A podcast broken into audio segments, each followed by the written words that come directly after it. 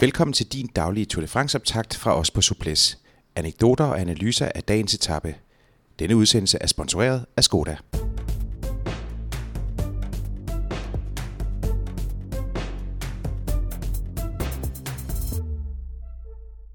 I dag 18. etape fra Tris til Po.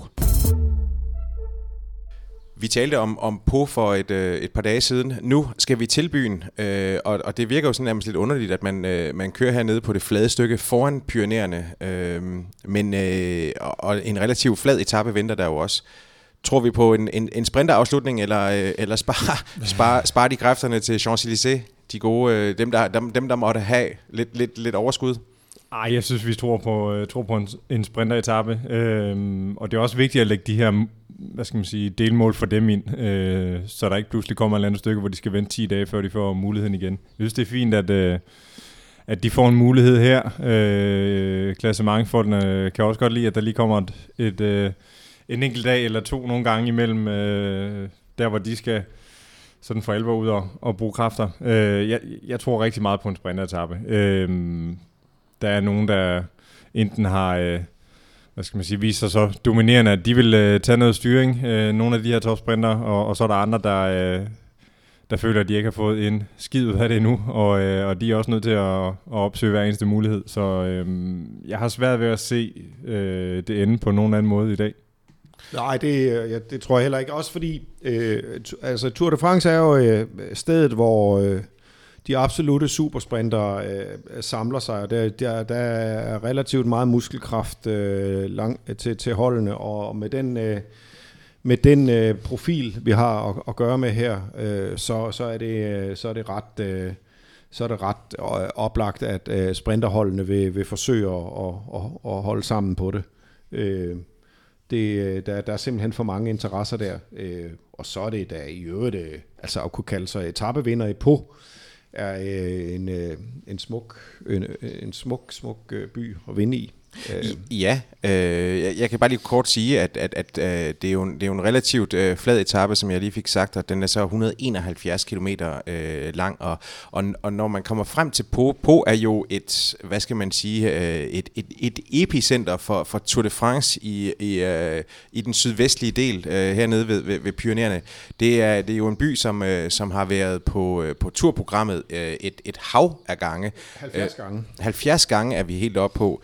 Øh, Øhm, og, øh, og, og, og ofte bliver den jo brugt øh, som, som, øh, til, øh, som, som, øh, til at holde hviledag, øh, og, øh, og ofte er den jo også øh, øh som, som startby. Øh, og, og, og lige præcis den her... Øh, udformning af, af etappen. Du er selv lidt inde på det, Brian, det her med, at, at man har, man har behov for de her sådan mindre pauser. Hvor meget kan man reelt slappe af, når det er sådan, man trods alt skal køre 171 km?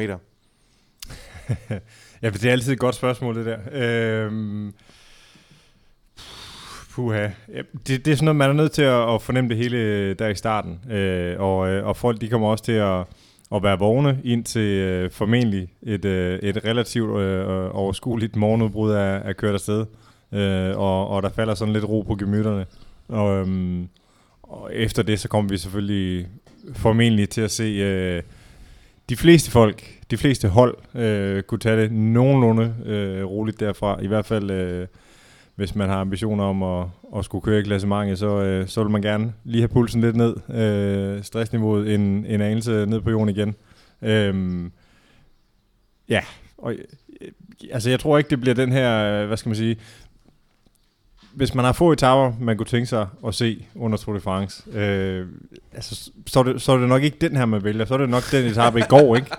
Altså, ja. hvis vi skal være helt ærlige. Øh, øh, så, ja, jeg ved ikke, hvad jeg skal sige til det. Øh, jeg, jeg kan sige sådan, at øh, altså, vi, vi har jo øh, vi har haft et spurtopgør i, øh, i på. Ja, øh, det har vi. Kittel har vundet der. Øh, mm.